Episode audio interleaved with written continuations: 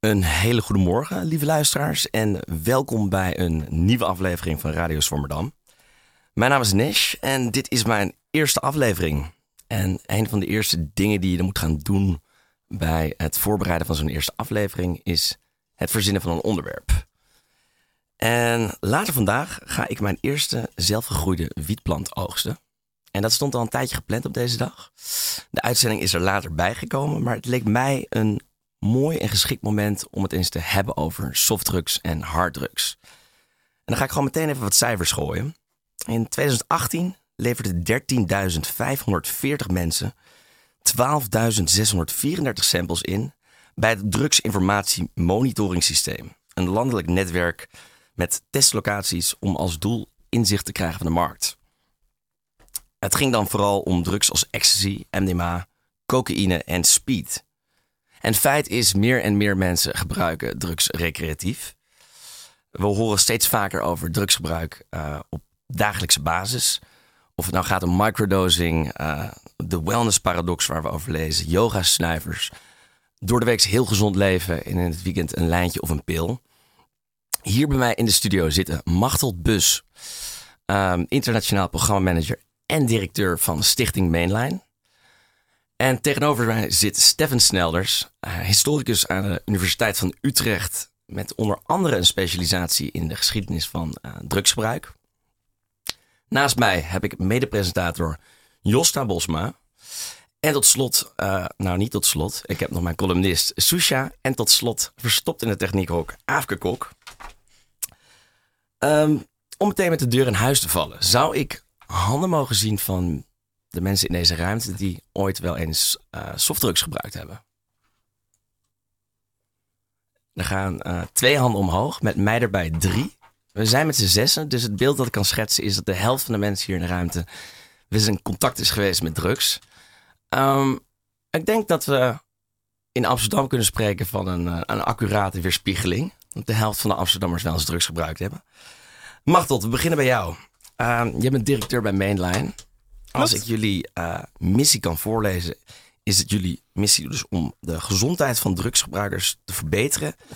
En als ook de rechtspositie van mensen die dat gebruiken, zonder primair het drugsgebruiken zelf terug te dringen. En vanuit respect voor de keuzevrijheid en mogelijkheid van de individuele gebruiker. Waarom is het zo belangrijk dat we organisaties als Mainline hebben? Uh, dat klopt. Ik moet er wel bij zeggen dat wij ons richten op echt problematische gebruikers. Dus dat is wel een belangrijk onderscheid. Want je had het net al over recreatieve gebruikers. Mm -hmm. Dat is niet per se onze doelgroep. Maar los daarvan vinden wij het heel erg belangrijk dat mensen toegang hebben tot eerlijke, open informatie. En dat je zonder moreel oordeel eigenlijk kijkt of je mensen hun gezondheid uh, zo goed mogelijk kan houden. En kan werken aan een uh, betere rechtspositie. Dus minder stigma, discriminatie bijvoorbeeld. Ja, en jullie zijn al ruim 25 jaar bezig met uh, dit werk. Zou je jezelf nog omschrijven als een, een, een niche-organisatie? Um, nou, in Nederland wel. Uh, ik denk, uh, ja, omdat wij ons echt richten op problematische gebruikers. Traditioneel zijn dat uh, vanuit het verleden in Nederland vooral heroïnegebruikers en mensen die basecoke gebruiken. Nu steeds meer en meer zien we ook mensen die bijvoorbeeld GHB problematisch gebruiken. ja, wij zijn een niche-organisatie omdat er echt maar een heel klein percentage van alle druggebruikers in de problemen raakt met middelen. En heel veel mensen slagen erin om daar toch wel controle over te houden. Dus dat is niet onze doelgroep. Nee, helder.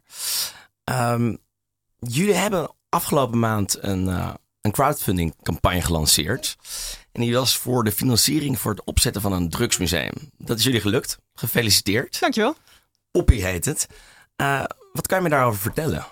Nou, met Poppy willen we juist uit onze niche eigenlijk. Dus we willen de kennis die we opgedaan hebben in het veld. En wij werken ook heel, uh, heel internationaal. Um, en die kennis willen we nu eigenlijk met het algemeen publiek gaan delen. En Poppy is dus echt bij uitstek bedoeld voor iedereen in Nederland en daarbuiten om te leren over drugs.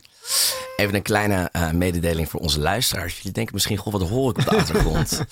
um, Machteld heeft helaas geen oplossing kunnen regelen voor het kindje. Dus haar zoontje Piet is gezellig bij ons in de uitzending. Het is natuurlijk hartstikke spannend om zijn moeder te zien spreken.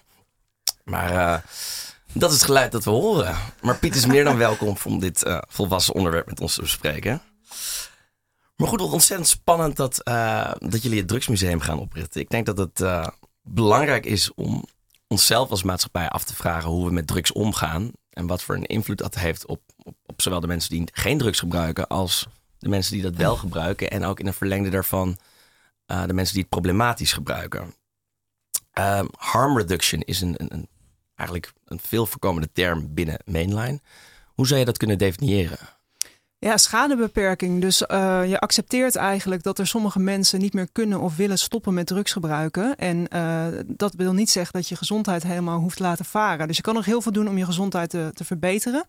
Uh, vroeger was het bijvoorbeeld zo dat er veel mensen injecteerden in Nederland. Dus die deelden wel hun, hun injectienaalden.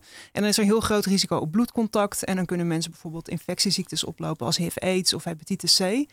En een hele pragmatisch um, ja, interventie noemen we dat, wat onder harm reduction valt, is bijvoorbeeld de spuitenruil.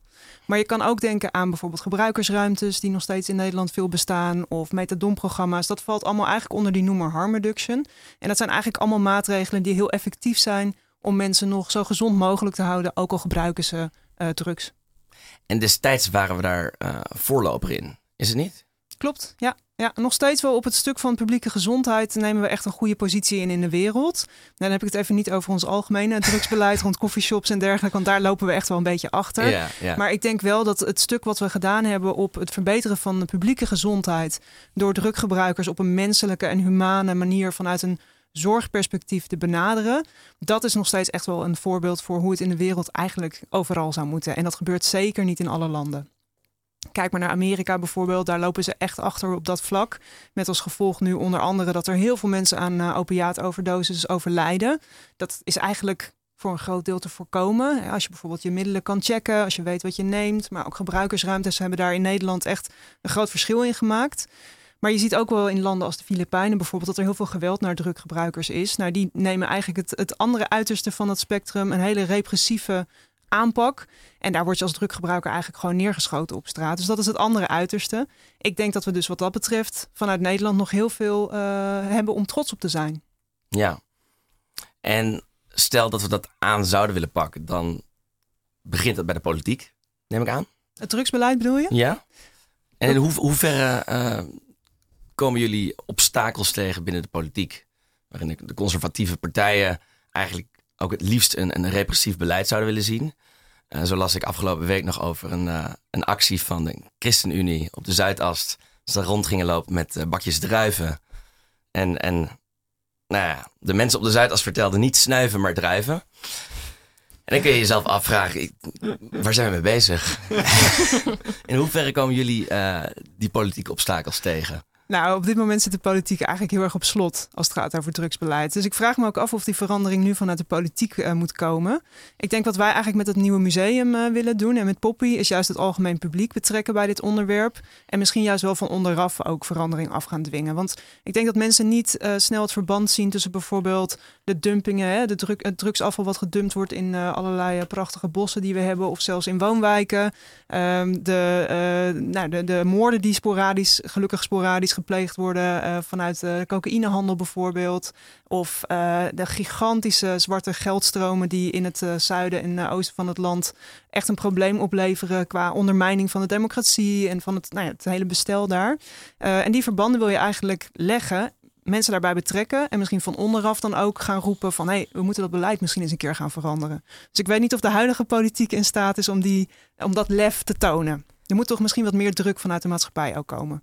Want wat voor vorm van samenwerking is er wel tussen jullie en de overheid? Wij werken op zich heel goed samen met de overheid vanuit Stichting Mainline. Uh, maar ja, er is natuurlijk gewoon een, een vrij conservatieve coalitie aan de macht op dit moment in Nederland. En D66 wil echt wel wat meer met, uh, met drugshervormingen, maar de andere partijen op dit moment helemaal hm. niet. En daar zie je bijvoorbeeld ook dat die coffeeshop-experimenten eigenlijk een beetje een, uh, een gek compromis geworden zijn, waar eigenlijk ja, bijna niemand echt heel blij mee is. Ja, want wat zijn die coffeeshop-experimenten nu? Dat, Uh, er worden nu wat, uh, in, wat in verschillende steden uh, wordt er geëxperimenteerd met het, het reguleren van cannabis. Dus ook de productie en de handel. En dat is natuurlijk een hele mooie stap, want het is echt hoog tijd. Er zijn ook andere landen die dat al helemaal gereguleerd en gelegaliseerd hebben. in Nederland loopt wat dat betreft nu achter eigenlijk. Ja, ja. maar we durven niet de stap te nemen om echt helemaal daarvoor te gaan. Dus het, het is toch een experiment waar, waar heel veel mensen van zeggen: hmm, is het niet op zo'n manier opgezet dat het misschien helemaal geen kans van slagen heeft? Hm. bijvoorbeeld in Groningen weet ik dat er heel veel coffeeshop-eigenaren eigenlijk helemaal niet blij zijn met hoe dat opgezet is. maar ja, tegelijkertijd, het is wel een stap, nou, in ieder geval in een betere richting, hopen we. Ja, want om eventjes een idee te geven, op de website van de Rijksoverheid staat onder het kopje drugsgebruik, drugsgebruik voorkomen het gebruik van drugs kan schadelijk zijn voor de gezondheid van de gebruiker. Bovendien leidt drugsgebruik regelmatig tot overlast, zoals vernielingen of geweld. De overheid wil voorkomen dat mensen drugs gaan gebruiken. Dat is een, een, een vrij kort door de bocht omschrijving van, van, wat voor een effect drugs op de maatschappij zouden kunnen hebben.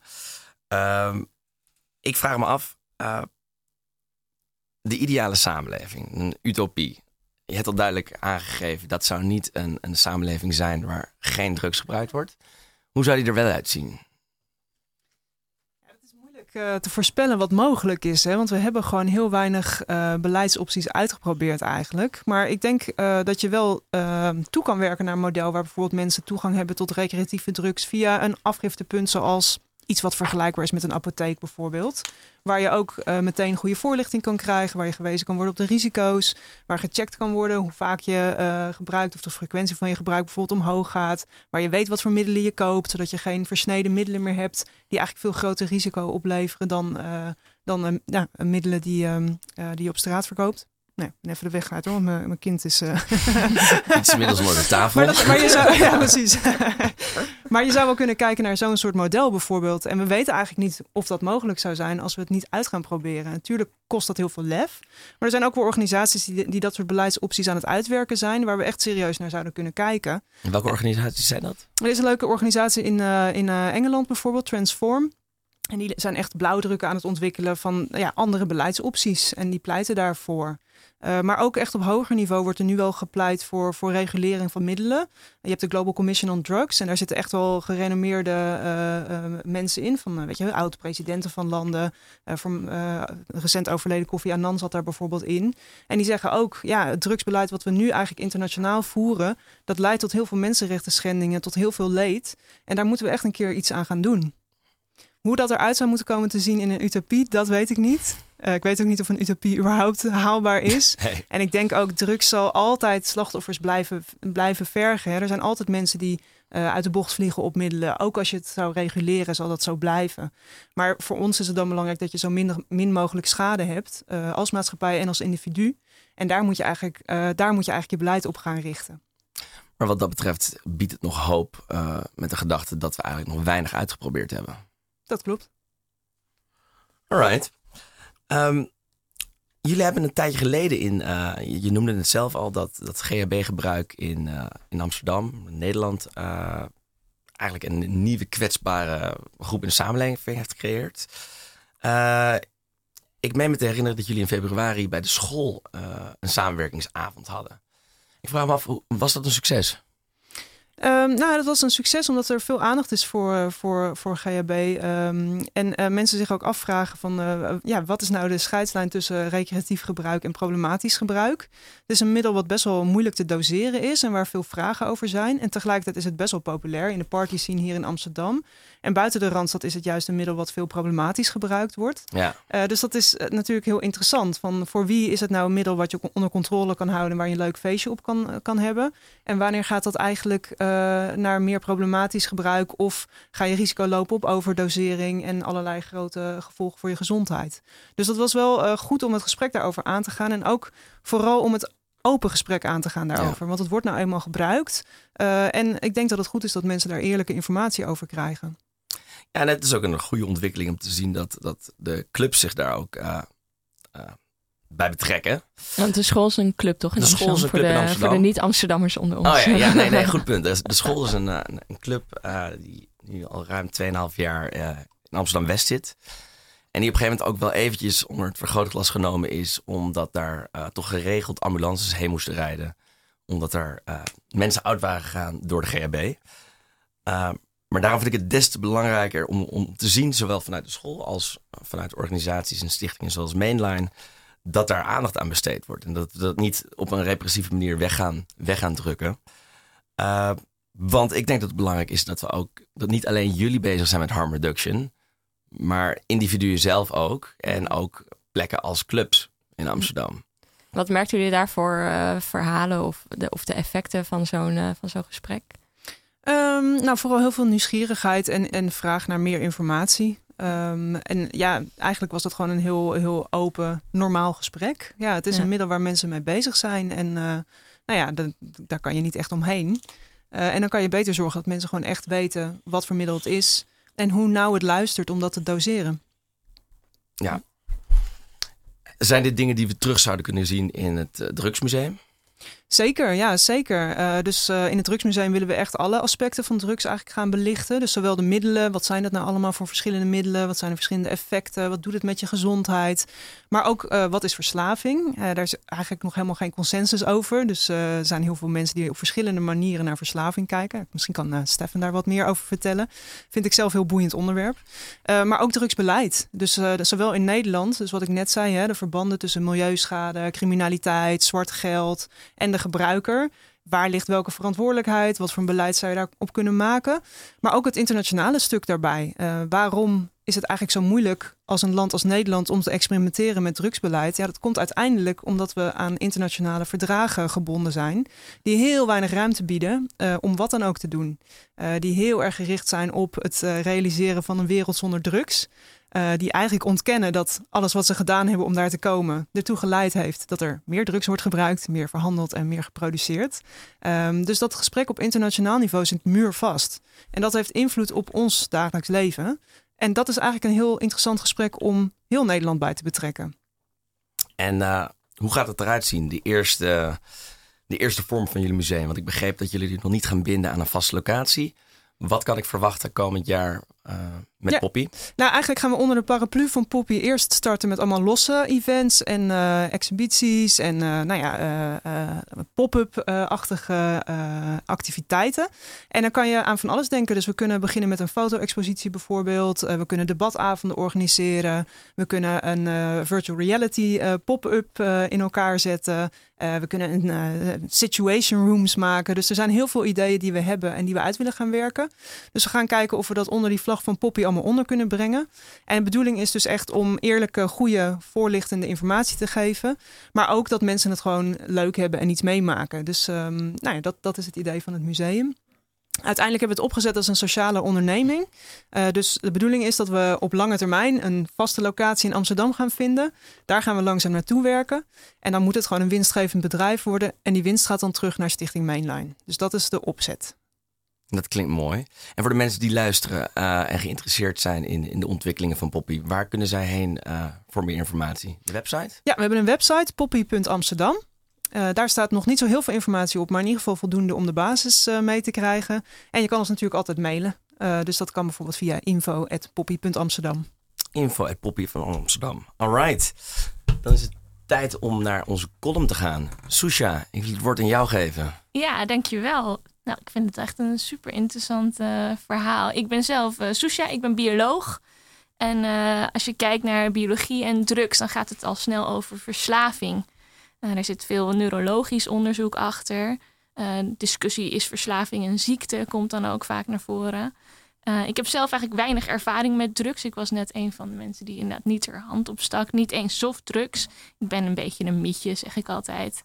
Uh, ik vind het al heel spannend om uh, een kopje thee te drinken als ik straks naar bed moet en nog naar de wc moet, misschien midden in de nacht. Vind ik al een heel gedoe.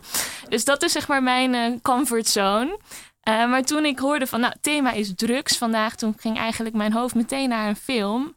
Uh, die ik heb gezien toen ik uh, 14 was. Dus dat is 2004.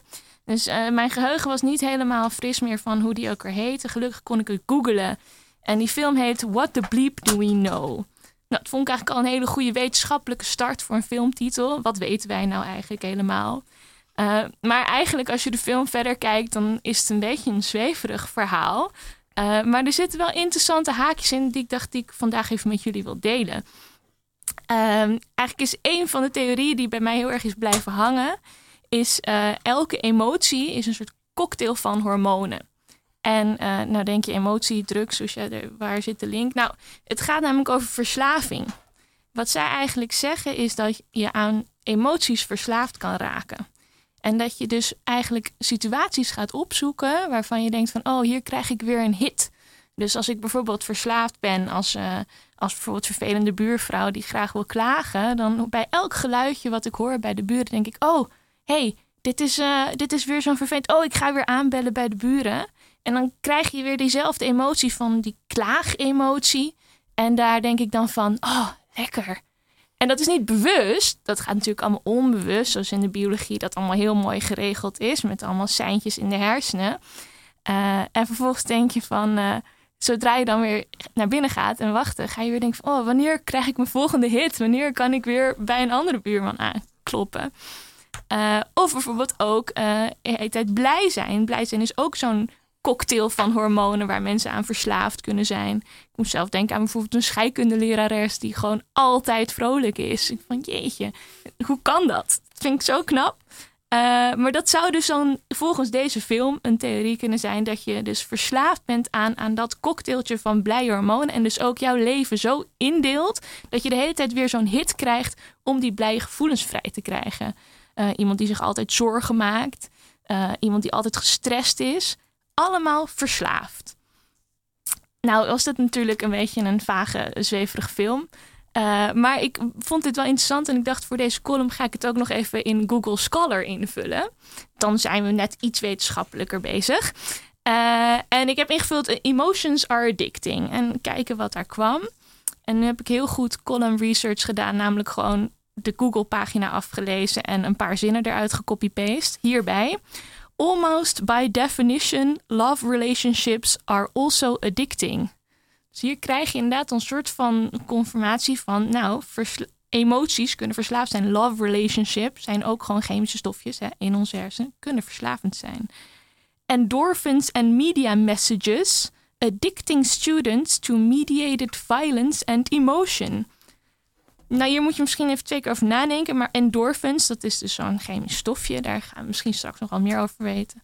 Uh, en dat kan dus ook verslavend zijn naar uh, violence en emotion. Dus wat je krijgt is dat mensen stofjes vrij krijgen waar ze verslaafd aan krijgen.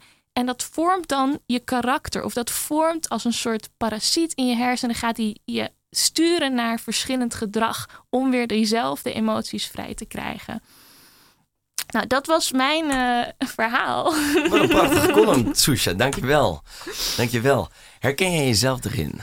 Uh, ja, ik Wat is jouw verslaving? Ja, ik, heb, ik ben dus best wel verslavingsgevoelig, vind ik zelf. Dus daarom ben ik ook extra scheiterig voor alle dingen die mogelijk verslaafd zijn. Zo heb ik heel lang gewacht tot ik een smartphone kreeg.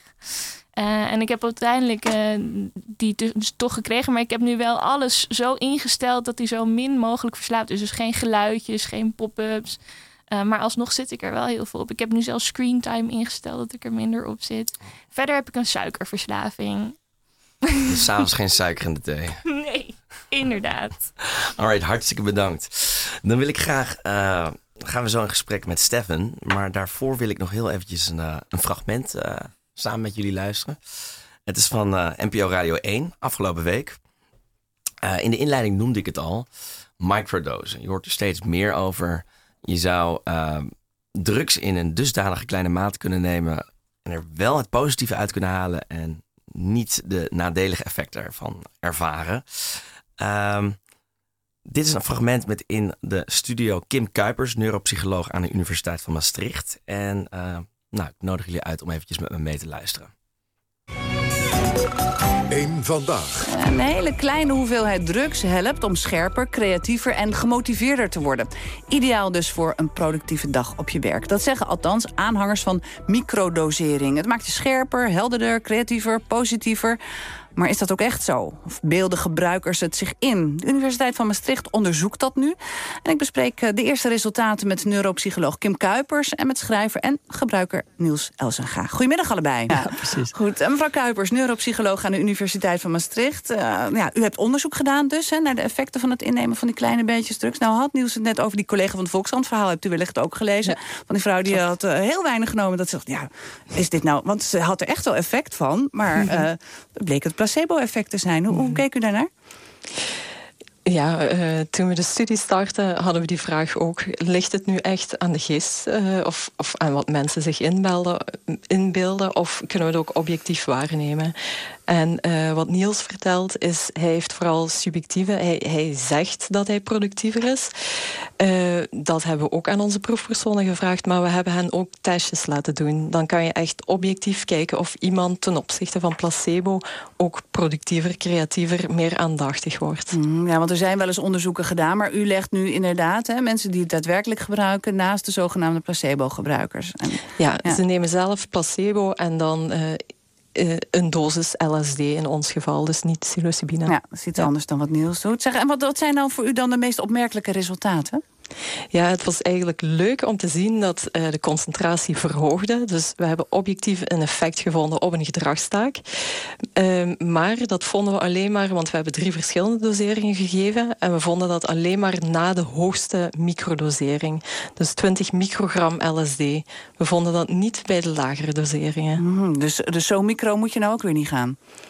Het is nog altijd laag, maar wanneer we mensen vroegen... Want een, de definitie van microdoseren is dat je uh, effecten ervaart op gedrag... maar dat je geen perceptuele veranderingen hebt, dus geen hallucinaties.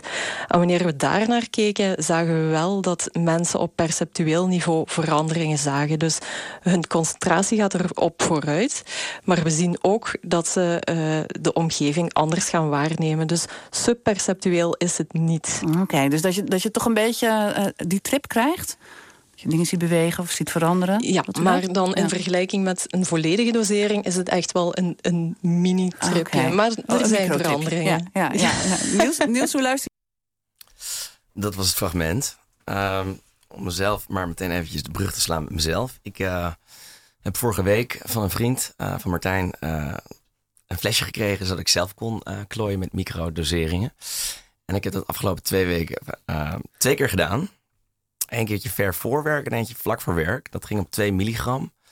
En wat ik eruit heb gehaald is, ik uh, werd er zeker niet per se geconcentreerder van. Vijf uur na inname begon ik wel een, uh, een bepaalde tinteling te voelen. Een tinteling die ik wel herken als, als, ik, als ik andere drugs neem. maar vaak komt er na die tinteling een effect. En dat bleef nu uit.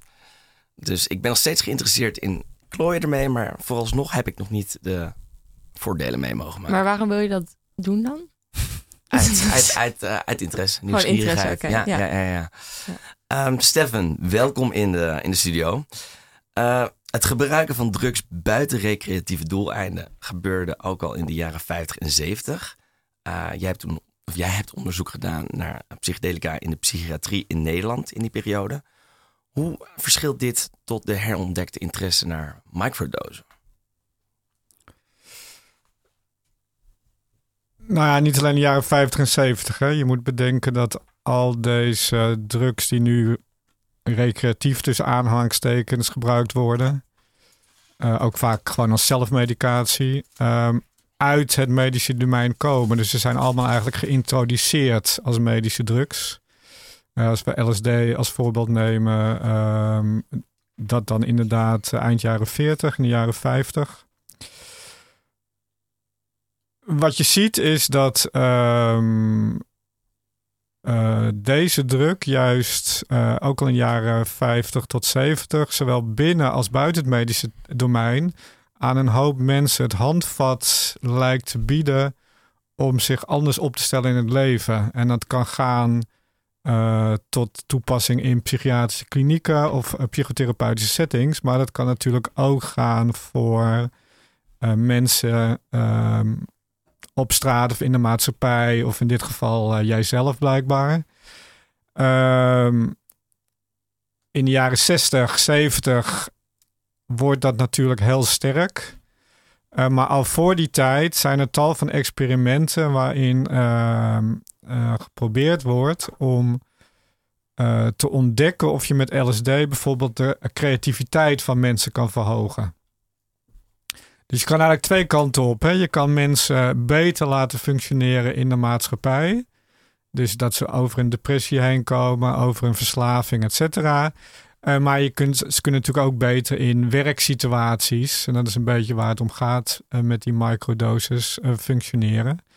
Um, er is natuurlijk ook een andere stroming die ehm, zegt van, nou ja, het probleem ligt niet in ons, maar in de maatschappij. En door dat LSD te nemen, zien we juist de beperkingen van de maatschappij meer. Dat is, en dat is eigenlijk het grote verschil, denk ik, dan ehm, met, van de huidige fascinatie voor microdosing met de hoogtijdagen van LSD-gebruik naar maatschappij, waar we dan toch jaren 60, 70 moeten denken. Ehm, ja, Beatles, Summer of Love, dat soort dingen. En dat, is niet, dat was niet bedoeld dat je beter kunt functioneren in de maatschappij. Nee, die maatschappij moet je juist omver. Wat zijn die beperkingen in de maatschappij dan? Waar ze het over hebben? Nou, er is, er is een theorie, dat is de, um, um, dat is de beroemde theorie uit een, uit een boek dat heet The Doors of Perception van Aldous Huxley. En die um, op basis van eerdere theorieën van een beroemde Franse filosoof uh, theoretiseerde hij dat wij in de loop van de evolutie een soort filter hebben opgebouwd ten aanzien van bewustzijnsindrukken. Uh, en dat hadden we nodig, want uh, stel dat een sabeltandtijger achter je aan zit, dan moet je even gefocust blijven op die tijger. En niet denken van, uh, nou, Jezus, wauw, lekkere bloemen, enzovoort. ik, ik, ga even heel kort, ik ga even heel kort door de bocht. maar dat filter is zo um, extreem geworden, dat we daardoor onze wereld enorm hebben ingeperkt. En met name na de Tweede Wereldoorlog, toen heel veel mensen zich zorgen gingen maken over Oost-West conflict, milieuproblematiek, uh, atoombommen, uh, hadden mensen het idee dat, dat, uh, dat ingeperkte bewustzijn, ja, denk Donald Trump zeg ik dan, die dus heel veel dingen in de wereld helemaal niet ziet en helemaal niet beseft dat die ook bestaan, heel geen empathie over, uh, over heeft, dat dat veel gevaarlijker is voor onze maatschappij uh, dan vasthouden aan. Um, dus dat je vasthoudt aan, aan mechanismen. En die mechanismen moeten juist op de schop. En een van de theorieën was door psychedelica te gebruiken. Krijg je een beetje een andere. Ga je andere verbindenissen maken in de wereld om je heen. Je ziet andere dingen. Uh, dat kan ten goede. Bij sommige mensen pakt het ook helemaal mis uit, natuurlijk. Um, maar zo moet je dat, uh, dat begrijpen. Nou, als je kijkt naar vandaag, dus um, uh, microdosing is bijvoorbeeld heel erg opgekomen in Silicon Valley. Ja, dat is dus heel problematisch uh, vanuit dit standpunt. Want je kunt zeggen, ja, die mensen zijn natuurlijk een beetje een van de grote oorzaken van de ellende waarin we leven. Uh, dus om nou creatiever te zijn binnen de bestaande orde, dat is met gebruik van LSD is dus een enorm verschil met uh, eerdere periodes. En zou je nog kunnen stellen dat er in de afgelopen jaren er een, een, een nieuwe uh, psychedelische renaissance gaande is? Of is dat echt iets dat veel meer in de jaren 60 en 70 gebeurde? Nou, ik heb, ik, ik, ik, ik heb uh, twintig jaar geleden ben ik uh, gepromoveerd op het gebruik van LSD. En ik geloof sinds die twintig jaar is eens in de twee, drie jaar ben ik gebeld door een radioprogramma. Of ik uh, even, want er was een psychedelische renaissance blijkbaar gaande, of ik daar iets over wilde vertellen. Nou, welkom. Dus, uh, uh, ja, psychedelische renaissance. mensen hebben natuurlijk totaal geen historisch geheugen. en het klinkt allemaal nieuw en anders. Wat je wel ziet, is dat mensen die advocaat zijn van het hergebruik van psychedelica of uh, op dit moment vooral eigenlijk ook MDMA, waarvan je kan betwisten of dat nou een psychedelicum is, maar goed. Um, vooral heel duidelijk willen maken dat ze iets nieuws doen en niet iets doen wat mensen vroeger deden. Dus dat ze alle associaties um, van de jaren 60, 70 heel bewust achter zich willen laten. En je ziet het ook op een andere vlak. Die mensen zijn als de dood dat hun psychedelische renaissance opeens bijvoorbeeld met het legalisatiedebat over MDMA, uh, waar Machteld al eerder aan refereerde, uh, in verband wordt gemaakt. Dit, is, dit is opeens iets puur wetenschappelijks. we doen nu evidence-based onderzoek. Ehm, dus nu doen we het goed. Dus is het iets nieuws. Nou ja, daar kun je, daar kun je uh, twijfels bij hebben. En dan zie je ook dat de de groepen die, ehm, die ze naar voren schuiven om te behandelen, grappig genoeg uh, niet heel anders zijn dan de groepen vroeger. Bijvoorbeeld heel veel LSD-onderzoek in Nederland is gedaan rond uh, mensen die in concentratiekampen hadden gezeten in de oorlog. En dat zijn dus mensen die, uh, waarvan wij als maatschappij vinden, die moeten we ondersteunen. En daar zijn we dan best bereid om ook middelen voor te gaan gebruiken die, die een beetje raar zijn, als het maar werkt. En je ziet dat ze nu bijvoorbeeld heel veel uh, veteranen uit oorlogsgebieden naar voren. Mm Dat is toch opeens een opmerkelijke uh, coïncidentie. Dus er zit wel degelijk vaak ook wel eenzelfde politiek achter om een bepaald soort patiëntengroepen te gebruiken. Ja, en vandaag de dag ligt de focus natuurlijk veel meer, daar hebben we het ook al over gehad, op, op, op veiligheid, uh, op, op het vermijden van gezondheidsrisico's en protocollen. Uh, dat in vergelijking tot de jaren 60 en 70 is natuurlijk wel veel veranderd. Dat we in die zin misschien minder vrijheid zouden hebben om te experimenteren met deze middelen. Nou, als je het naar het grotere plaatje van de ontwikkeling van onze gezondheidszorg sinds die tijd kent, zie je dat uh, uh, er enorme behoefte is ontstaan en uh, aan protocollen, aan veiligheid, aan zo min mogelijk risico's. Um, terwijl um, in de jaren 60, 70 zijn psychiatrische inrichtingen nog veel meer het domein van Freudiaanse figuren met een baard en een sigaar die flexibel doen waar ze zin in hebben. Nou ja, dat uh, verdwijnt. Uh, dat is um, ook deels onder invloed van de patiëntenbewegingen. Uh, deels ook onder invloed trouwens van farmaceutische maatschappijen, omdat protocollen handig zijn voor hun verkooppraatjes. Um, en dus kom je nu met het interessante aspect aan de orde. Psychedelica behelzen een bepaald risico. En dat risico is dan niet zozeer iets als verslaving, maar is het risico dat je niet kan kopen met uh, de werelden die voor je open gaan. Ja, als we denken aan die sabeltandtijger, ja, uh, niet iedereen, als de wereld opeens helemaal verwijt, zelfs niet op, op een party of zo, kan daar heel erg goed mee dealen.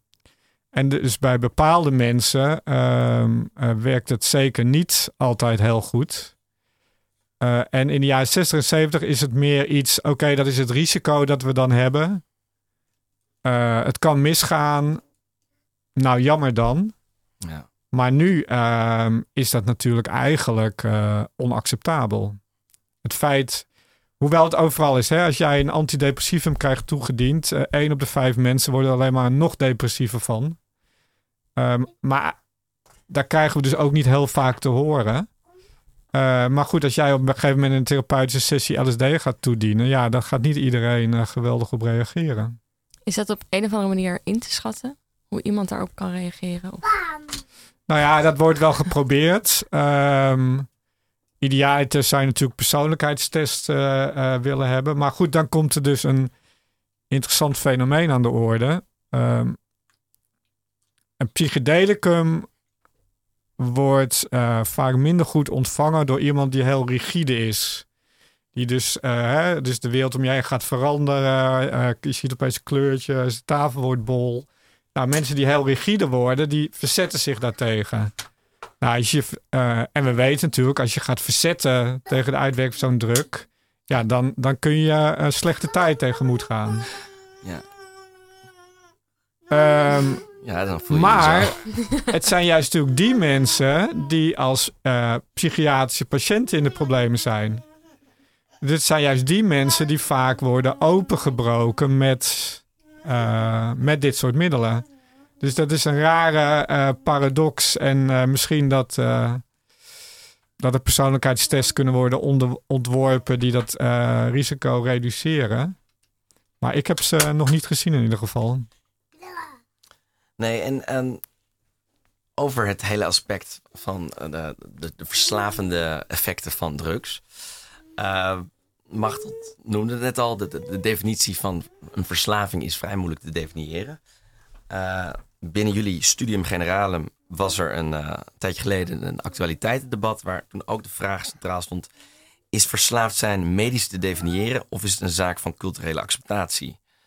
Uh, één op de vijf mensen zou aanleg hebben om verslaafd te worden. Dat is toch nog vrij hoog. Nou, we komen nu op een heel ingewikkeld onderwerp. Hè? Dus ik, ik, zal het wel proberen om het zo uh, simpel mogelijk uh, te maken wat wij denken weten. Om te beginnen zeg je al, is verslaving medisch gedefinieerd of een kwestie van culturele acceptatie? Het is natuurlijk allebei, want ook de geneeskunde is onderhevig aan culturele invloeden. Dus uh, historisch gezien is het interessant dat het hele begrip verslaving pas 200, 250 jaar bestaat. Dus zeg maar, vroeger waren mensen daar helemaal niet eens mee bezig. Um, je ziet nu dat um, um, definities van verslaving zijn niet eenduidig. Het zijn meer een soort uh, samenvoegsels van allerlei elementen. En als jij zeg vier van die zeven elementen hebt, dan spreken ze van verslaving. En dat, dat, dat houdt dus verschillende dingen in, maar dat kan ook. Je, dan moet je het ook denken aan uh, sociaal nadelige gevechten, uh, effecten op je omgeving en je werk. Dus dat je niet meer goed functioneert. Uh, je kunt ook denken aan allerlei um, lichamelijke ontwenningsverschijnselen. Um, en interessant is, in de column werd heel erg ingespeeld op het biologische aspect. met name op het beloningsmechanisme. Dus er is een soort mechanisme in jouw hoofd heeft vaak te maken met de dopaminehuishouding. Uh, dus als jij maar opnieuw dat gedrag vertoont, krijg jij een chemische stimulans. Um, en dat kun je dus zo ver drijven dat ongeveer al je gedragingen verslavend zijn. Maar dan uh, ga je dus helemaal niet kijken naar alle sociale nadelige effecten. Dus je kan nu ook al verslaafd zijn zonder dat je ontwinningsverschijnselen vertoont. Of zonder dat het je werk uh, in de steek laat, et cetera, et cetera. Um, Social media en smartphone gebruik zouden dan een voorbeeld van kunnen zijn. Ja, maar er is nog steeds geen wetenschappelijk bewijs dat social media, smartphones en zelfs trouwens suiker echt verslavend zouden zijn. Um, dus wat we nu denken is, is dat je uh, in een soort proces moet komen. Je maakt kennis met een middel. Uh, dan wordt het een soort gewoonte voor je. Maar voordat die gewoonte in een verslaving terechtkomt, zijn er uh, heel veel dingen nodig. En wat die 1 in 5 betreft, een van die dingen zou ook nog een genetisch profiel moeten zijn. Oh ja, dat... Omdat je een genetische aanleg zou hebben. En dat heeft denk ik maar 1 in 5 iets dergelijks. Dan kun je zeggen, ja, dat is hoog. Of dan kun je zeggen, dat is laag. Je kunt ook niet zeggen van, joepie, uh, ik heb 80% kans dat ik uh, niet verslaafd raak. Dus dat is best wel zijn best wel hoog. Ja, ja, ja. Ja, nee, dat... ja, dus maar hoe je ernaar kijkt, zeg maar. Hè? Dus het is heel erg perspectief gebonden. En er is natuurlijk heel veel wetenschappelijk bewijs, maar er komen ook allerlei culturele oordelen en waardeoordelen bij te kijken. En in relatie tot wat Machtel net zei over uh, dat we daar in Nederland wel lef voor moeten hebben. In hoeverre zie jij dat lef terug in de houding naar uh, onderzoek hiernaar? Wordt er een beetje lef getoond? In de politiek bedoel je? Ja? Nee, absoluut niet. Nee, maar goed, kijk, het, het, het hele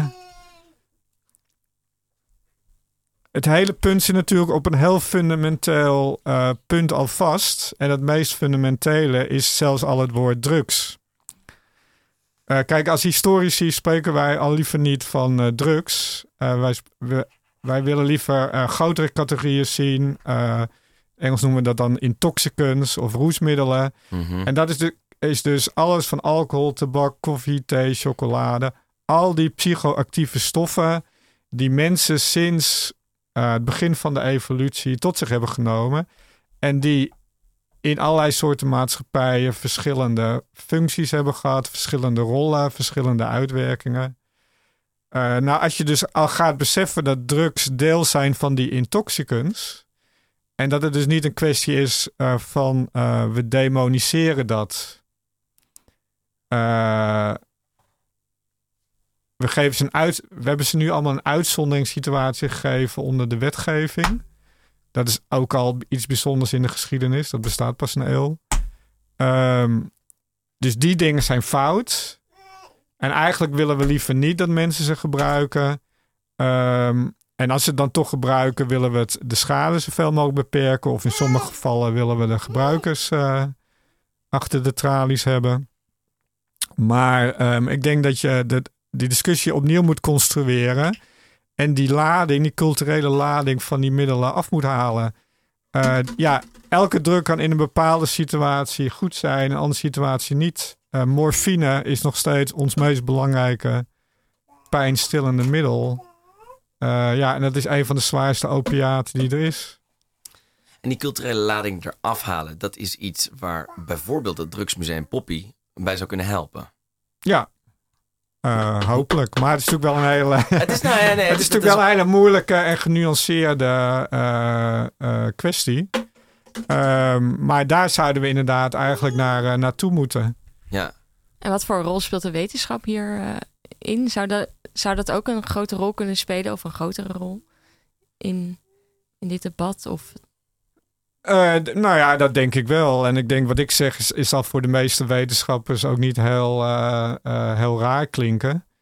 Ehm, zelf hebben we nu ook een historisch project waarin we gaan kijken naar ehm, de invoering van intoxicants in een, in een groter geheel in Amsterdam. Um, en, en, en zien wat de overeenkomsten zijn met onze huidige drugsproblematiek.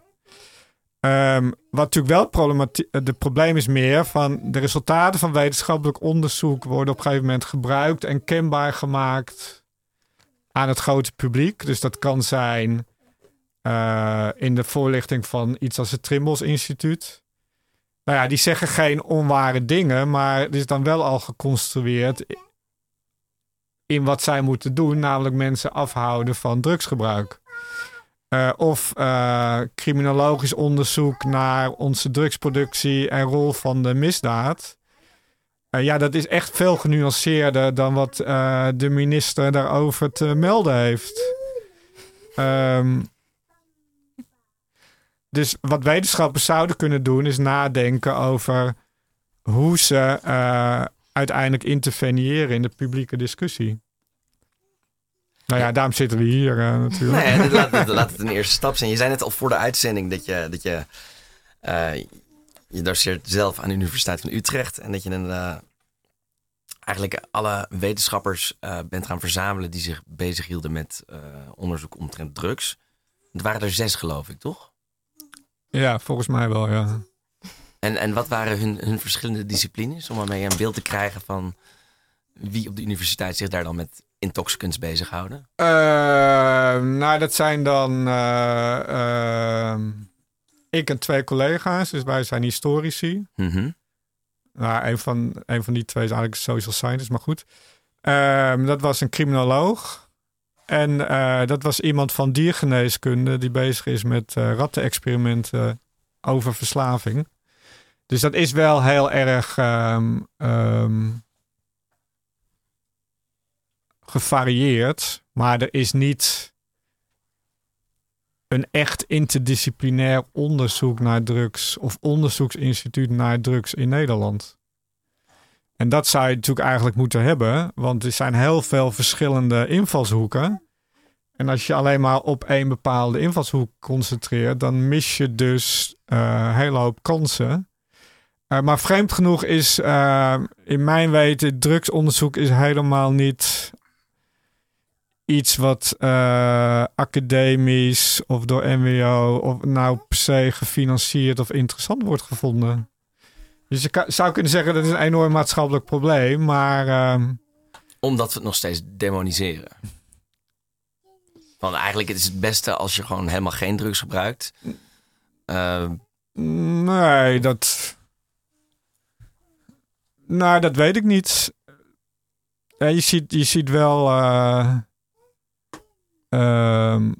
je ziet wel bijvoorbeeld de onderwerpen als terrorisme, dat het dan veel makkelijker is om, uh, om daar geld voor te krijgen. Maar mijn ervaring, uh, waarschijnlijk ook, ook van Machteld, is drugsonderzoek is eigenlijk. Ja, alsof het iets is waarmee uh, we met z'n allen in, de maag, in onze maag zitten. Eigenlijk wil je dat het gewoon weggaat. Maar dat gaat het niet. Maar er is geen, er is geen idee hoe je het anders zou moeten aanpakken. Hoe, hoe ervaar jij dit, Machteld, in het, in het aanvragen van ofwel fondsen of, of inderdaad de formulering van uh, jullie campagnefilmpje. Hoe zie jij dat? Uh, nou, er, er, is weinig geld. Een van de redenen dat we met het museum bezig zijn, is ook om, om ons sociale werk binnen Stichting Mainline zelf te kunnen financieren. Want wij zien dat de financiering voor drugsprojecten, interventies ook afneemt. Ook internationaal, want dat is vaak gefinancierd vanuit uh, HIV-AIDS-gelden. Mhm. En dat is een probleem wat in de wereld uh, nou ja, ook minder urgent wordt ervaren. Dus wij willen ons eigen geld gaan genereren daarop. Dat is een van de redenen. Um, ja, dus ik merk zeker afnemende fondsen. Maar wat nog lastiger is, is dat er echt ja, silo's zijn tussen uh, mensen die met gezondheid bezig zijn en drugs en mensen die meer aan, het, aan de justitiekant werken. En die twee die communiceren eigenlijk helemaal niet echt met elkaar. En dat is echt zonde. Uh, dus als je een oplossing wil vinden voor de problemen die nu spelen, en, en die problemen zitten in mijn ogen heel erg aan de productiekant. Dus in Nederland wordt heel veel drugs geproduceerd. En daar zien wij heel veel negatieve gevolgen van als maatschappij. Mm -hmm. uh, maar er wordt niet echt een link gelegd met de gezondheidssector daarin. Dus als we nu meer uh, repressie richting drugsnetwerken gaan uh, instellen, uh, waar een roep om is en waar wel gelden veel geld voor beschikbaar wordt gesteld. Wat zijn dan de gevolgen voor de gebruikers? Daar wordt eigenlijk weinig over nagedacht. Sterker nog, er is een roep richting gebruikers van stoppen jullie nou maar gewoon met dat gebruik. Want dan houdt dit probleem ook op met te bestaan. Ja, niet snuiven, was het maar, maar waar. Ja, niet snuiven, maar druiven was het maar waar. Weet je wel, gebruikte maar niemand meer drugs. Waren we allemaal maar gelukkig en, uh, en gezond. Zo zit het leven gewoon niet in elkaar. En mensen die drugs gebruiken en de oproep horen, stop er nou mee. Er zullen er weinig zijn die daar gehoor aan kunnen geven of willen geven. Dus dat is nou eenmaal de realiteit waar we mee werken. En die silo's moeten we echt gaan oplossen. Dus politie en justitie en gezondheidszorg en politici en wetenschappers moeten met elkaar in gesprek gaan. Om, om, om het probleem wat we hebben aan de productiekant uh, op te gaan lossen. En hoe zou je zo'n gesprek kunnen faciliteren? Um, nou, er moet echt heel dringend een museum komen over drugs. dus alle financiers in Amsterdam verzamel u. Uh, nou ja, serieus, wij willen wel echt met ja. dat museum dat debat juist gaan faciliteren. Want uh, er is eigenlijk geen plek waar je over, in gesprek kan gaan over dit onderwerp. Behalve soms in de media. Um, maar je wil eigenlijk juist ook die diepere laag gaan aanbrengen. En uh, dat willen wij in ieder geval gaan proberen te, te stimuleren. En Stefan, als we nog lessen van uh, vroeger zouden kunnen toepassen op nu. Wat, wat is een les die bij jou naar boven schiet? Nou, één belangrijk haak ik weer even aan uh, op het gesprek met Machteld in het begin, als ik nog te horen ben. Um, en, dat zei jij eigenlijk ook al. We hebben geen, um, um, we hebben geen kennis van alternatieve manieren om met drugs om te gaan. Nou, dat is echt per definitie niet waar. Het ligt ons alles aan het hart. Ja. uh, bijvoorbeeld, uh, Nederland heeft. Uh, Nederland heeft meer dan een eeuw in de kolonie in Indonesië. juist een heel uh, ander drugsbeleid gehad. waarin ze van staatswegen drugs verspreiden. En die op bepaalde gronden uh, verkochten aan mensen. En daar ook een, een openbaar gezondheidsbeleid omheen bouwden. En uh, dan zou ik niet zeggen dat we terug moeten naar ons koloniale verleden. Maar er zijn wel degelijk in het verleden allerlei hele andere omgangen met uh, drugsbeleid geweest. waar we ook bijna niets meer van af weten. Ehm, dus als de eerste les zou ik zeggen, uh, kijk nog eens goed naar die uh, ervaring uit het verleden. Maar besef ook dat er geen model bestaat wat alle problemen zal oplossen. Het zijn uh, communicerende vaten, dus als je aan de ene kant gaat trekken, gaat er aan de andere kant ook iets mis. Um, dus net zoals de war on drugs uiteindelijk een totaal failure is geworden, denk ik dat elke oplossing natuurlijk wel zijn, zijn voor, maar ook zijn nadelen uh, heb. Dat zijn heldere woorden. Dankjewel. Ik uh, hoor de eindtune langzaam inveden en dat kan maar één ding betekenen. We naderen het einde van onze aflevering. En ik wil heel graag mijn gasten Machtel Bus en Steven Snelders ontzettend bedanken voor uh, nou, toch het aangaan van het dialoog dat zo ontzettend belangrijk is. Uh, en voor het delen van jullie expertise. Hopelijk kunnen we dat voortzetten in uh, onder andere het Drugsmuseum Poppy. Um, Susha, ik wil je bedanken voor je ontzettend leuke en gezellige column over verslaving. Josta, mede-presentator, bedankt voor het het bijstaan in deze eerste aflevering en verstopt in het techniekkamertje uh, Kok. Deze aflevering komt uh, zoals gewoonlijk uh, beschikbaar op Spotify, Soundcloud en iTunes. En stel dat je nou wil reageren op deze aflevering of op een aflevering die je eerder dit seizoen hebt gehoord, dan kan dat. Twijfel niet. je kan ons schrijven op de redactie naar redactie.radioswammerdam.nl. En uiteraard zijn we ook te vinden op de bekende social media kanalen. Dus dan spreek ik over Facebook, Twitter en Instagram. Geen Instagram, Facebook en Twitter. zoals ik al zei, de bekende social media kanalen. En dan wil ik de uitzending graag eindigen met nog een, uh, een laatste mededeling. Want dit was alweer de laatste aflevering van uh, het seizoen. We pakken de boel in september weer op. En dan zijn we elke week op zondag tussen 11 en 12 op Radio Salto te horen. Mijn naam is Nish en nogmaals hartelijk bedankt voor het luisteren en een hele fijne zomer toegewenst.